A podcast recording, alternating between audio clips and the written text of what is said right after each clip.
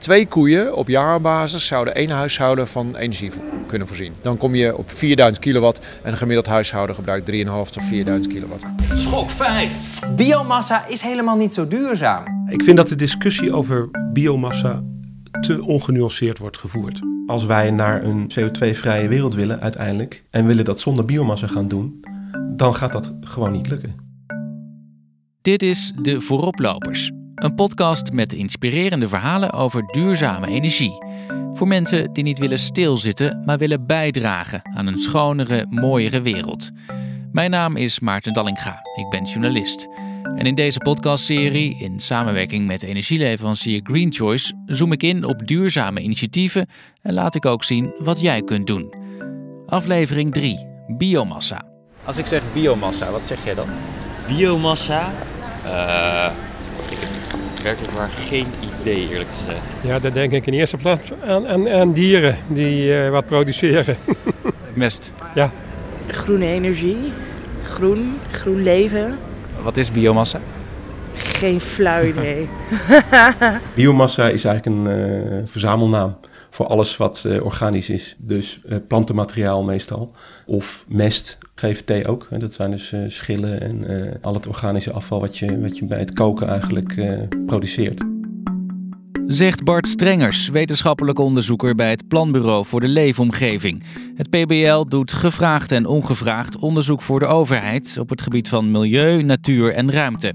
Strengers houdt zich vooral bezig met biomassa. Van alle energie die wij in Nederland gebruiken per jaar, hoeveel komt dat van biomassa? Ongeveer 3, 3,5 procent. En in totaal is de duurzame aandeel in uh, Nederland een procent of 6. Een klein deel van de stroom uit biomassa komt uit Alfa aan de Rijn van Jan van Dorp.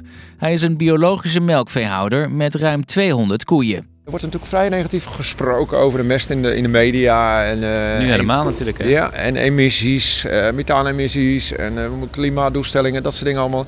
Ja, dat is, dat is in principe best wel een probleem wat, er, wat ook de landbouw moet gaan tackelen en zo. Maar eigenlijk in principe hebben wij dat min of meer tien jaar geleden al getackeld toen we begonnen zijn met een biogasinstallatie. Die installatie staat op het eigen terrein. Via een leiding wordt daar de hele dag door de mest van de koeien naartoe gevoerd. Dat wordt aangevuld met bijvoorbeeld afgekeurde bloembollen en aardappelen. Door toevoeging van de juiste bacteriën gaat de boel gisten en ontstaan er methaangassen. Dat is een afgesloten systeem en de methaanproductie wordt afgezogen door een WKK, een warmtekrachtenkoppeling. Dat is eigenlijk in principe een motor van zeg maar 500 pk, dus best wel een forse motor die dan uh, draait op, de, op het methaan wat geproduceerd is uit de mest van de koeien.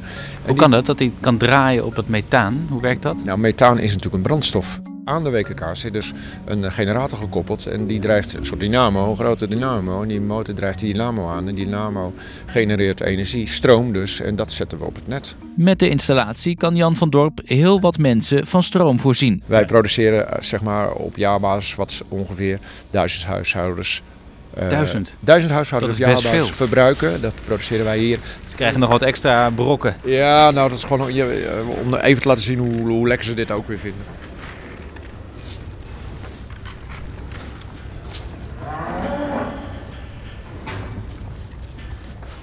Kun je zeggen uh, voor hoeveel stroom een, één koe kan zorgen per jaar? Hoeveel stroom een koe per jaar kan produceren via die vergister? Twee koeien op jaarbasis zouden één huishouden van energie kunnen voorzien. Dan kom je op 4000 kilowatt en een gemiddeld huishouden gebruikt 3,5 tot 4000 kilowatt. Van Dorp is met zijn biovergister een van de lokale energieleveranciers van energiebedrijf Green Choice, dat ruim 400.000 klanten heeft. Van de stroom die Greenchoice levert aan haar klanten in Nederland is uh, circa 28% afkomstig van Nederlandse biomassa. Zegt Evert den Boer, algemeen directeur van Greenchoice. En ja, wij hebben contracten met 70 installaties, maar er, zijn er honderden in Nederland. Het zijn vaak vrij kleinschalige lokale installaties. En dat zijn niet alleen maar installaties die mest verwerken. Ja, waar wij als Greenchoice heel nadrukkelijk naar kijken of het gaat om lokale reststromen. Het beste voorbeeld vind ik eigenlijk uh, GFT-afval. Dat we allemaal kennen van de groene ton die we elke twee weken buiten zetten. Uit dat soort GFT-afval kan je dus nog stroom halen. En wij geloven dat dat soort reststromen prima gebruikt kunnen worden voor de opwek van elektriciteit in Nederland. Terug naar Jan van Dorp in Alfa aan de Rijn. Op zijn terrein staan twee enorme silo's van zo'n 7 meter hoog en met een diameter van ruim 30 meter. Dat is, zijn de vergisters. Nou, je- we kunnen, we kunnen het nog wel even nader eh, bekijken, want er staan er eigenlijk drie, hè, als je het zo ziet. Ook nog een kleinere, of Ja, niet? Nou ja, dat is, de, dat is in principe de hoofdvergister. Deze is... eh, Je maakt ook wat lawaai. Ja, daar zit een roerwerk in. Dat heb je goed. Dat roerwerk wat je nu hoort zo, dat draait eh, continu. Eh, vergissen is ook eh, roeren, om het zo maar te zeggen. Hoe meer je mengt en roert, zo hoe hoger de productie ook weer blijft, wordt van het, eh, van het biogas.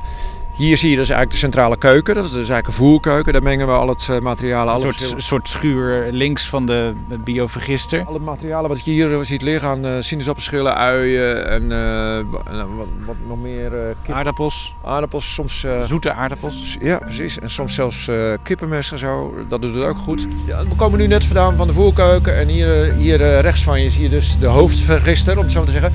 Vloerverwarming, wandverwarming. Continu eh, zo'n beetje eh, 38 graden. Net een klein beetje koorts. Anders gaat het niet gits- gisteren. Nee, nou, dat is daar, daar, in dat milieu van die temperatuur voelen de bacteriën zich het fijnst. En daar gaat het dus eigenlijk om. Hè. Je moet ze naar de zin maken. Maar goed, hier wordt dus continu gas geproduceerd. Wordt afgevangen door die zwarte pijp. Dat gaat door een eh, circuit onder de grond door. En uiteindelijk komt hier bij een zogenaamd koolstoffilter. Dat is eigenlijk een filter om, eh, om, om eh, eh, residu- eh, fos- eh, nee, eh, zwavel en nog meerdere stoffen die niet goed zijn voor de motor, om dat eh, eh, eruit te halen. Dus dit is de motor van de vergister. Ja, nee, dit is de WKK-installatie. De WKK, dat is nog Ja, een warmtekrachtkoppeling. En die, eh, dat zie je, dat is een 12, 12 cilinder motor, 500 pk. En dat- hiernaast zit dan een generator. En die produceert energie en dan wordt via de kabeling naar het trafohuis. We hebben een trafohuis daar staan. Wordt het op het net gezet. Maar dit draait dus eigenlijk, moet je nagaan, dit is eigenlijk een hele grote vrachtwagen. Die draait 24 uur op een dag van het eh, gas wat de koeien produceren indirect uit de mest. Dus dit kan draaien dankzij het methaan van de mest. Dankzij het methaan van de koeien kan je hier energie produceren en voor duizend huishoudens energie opwekken op Die jaarbasis. methaan komt dus vrij bij het vergisten. Juist, helemaal correct.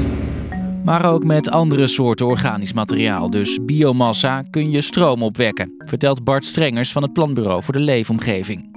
Bijvoorbeeld al het eh, afvalhout, rest- en afvalhout, wat, wat geproduceerd wordt door de, door de houtindustrie. Daar wordt het meeste van eh, verbrand.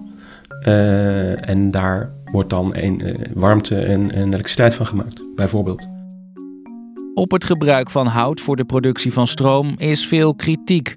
Zo besteedde het populaire tv-programma Zondag met Lubach onlangs nog aandacht aan biomassa. Schok 5. Biomassa is helemaal niet zo duurzaam. Er zijn helemaal niet genoeg bomen in Nederland voor biomassa. We kunnen het niet op eigen houtjes. En dus doen we het zo. Nederland heeft niet genoeg hout en dus halen we het uit Amerika. In de Verenigde Staten worden bossen in rap tempo gekapt. De bomen gaan door de versnipperaar en worden samengeperst tot pellets. Deze grove korrels gaan per schip naar Nederland en belanden in de ovens van de kolencentrales. Voor de Amerikaanse bossen is het een ramp, zeggen milieuorganisaties in de VS. Dus we tuffen Amerikaanse bossen per dieselschip naar Europa en gooien ze hier in de kachel omdat het officieel meetelt als groene energie. De uitzending trok 1,1 miljoen mensen. Bart Strengers keek ook. Biomassa werd daar direct weggezet als onduurzaam, per definitie. En eh, dat, dat hoeft dus niet zo te zijn. Oké, maar hoe zit het volgens hem dan wel? Ik denk dat je twee dingen moet onderscheiden. Dat is namelijk eh, de biomassa die binnen Nederland wordt geproduceerd. Dat is per definitie tamelijk duurzaam. Waar het probleem ontstaat. Maar nog eventjes hoor, Ja. om in te haken op wat jij nu zegt. Ja. Waar eh, ben je dan mee bezig? Waar haal je dat hout bijvoorbeeld vandaan? Eh, snoeiafval, oké. maar Ja. als je daar speciaal bomen voor kapt, of het lijkt me niet heel erg duurzaam. Het kappen van bomen in Nederland, eh, dat kun je ook op een duurzame manier doen. Ik bedoel, Nederlandse bossen produceren ieder jaar een paar miljoen kuub hout. En als je dat op een goede manier oogst en beheert, dan is dat, eh, dan is dat heel veel. Dus eh, wat ik bedoel met je moet goed kijken waar je mee bezig bent, dat je niet meer gaat oogsten dan er, dan erbij groeit. En dan het invoeren van hout uit het buitenland. Hoe duurzaam is dat nou? De eerste is dat Nederland in het kader van het energieakkoord hele strikte duurzaamheidscriteria heeft eh, afgesproken. Er is dus gezegd, wij willen een strikt certificatiesysteem dat ons garandeert dat die biomassa die we hier verstoken uh, op een duurzame wijze is geproduceerd. En wat betekent dat dan? Dat betekent dat je uh, moet voldoen aan strenge eisen, zoals bos dat weer, als je, wat je oogst, dat dat weer direct wordt her, herbebost. Dat er, dus, dat er dus een balans ontstaat. dat je rekening houdt met biodiversiteit, maar ook zelfs met sociale voorwaarden. Dat het geen, dat is ook een belangrijk punt, ontbossing elders creëert het, het hele certificatiesysteem wat daarvoor is opgezet, is het, is, de, is het strengst van heel de wereld. Hè?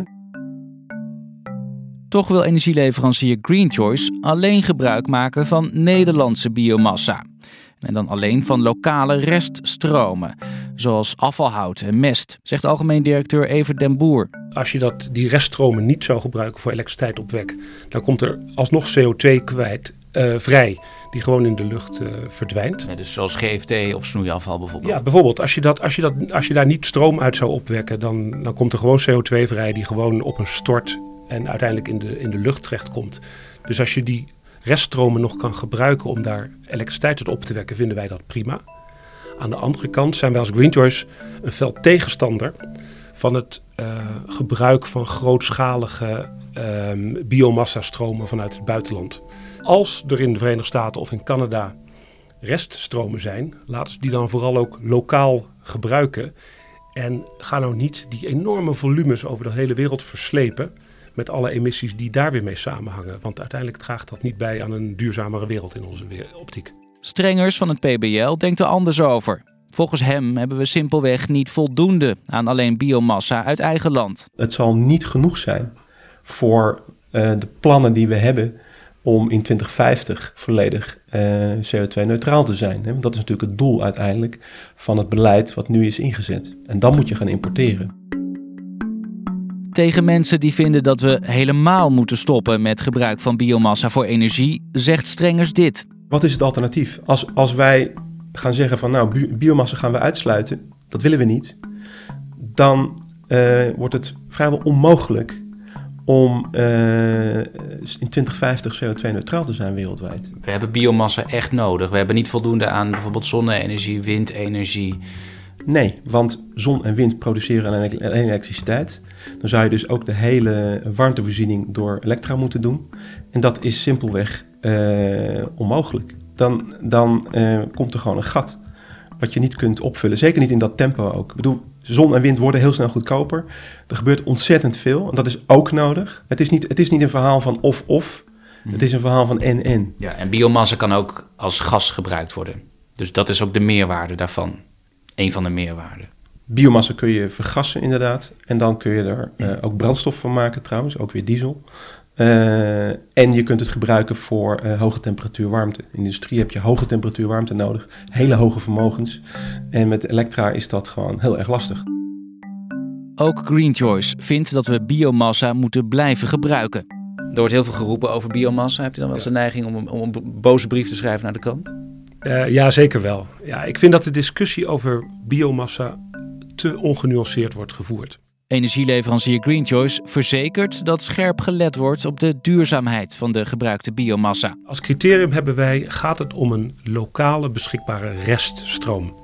Beschikbaar is een relatief begrip, zou je kunnen ja, zeggen. Het gaat om een, reststroom. Dus wij uh, zullen altijd kijken, gaat het om reststromen? Wij zullen ook altijd heel kritisch zijn uh, dat er geen voedsel, hè, dus voedsel voor of vee of, of zelfs voor mensen, verdwijnt in een biomassa-centrale. Het is niet heel makkelijk om daarmee te sjoemelen.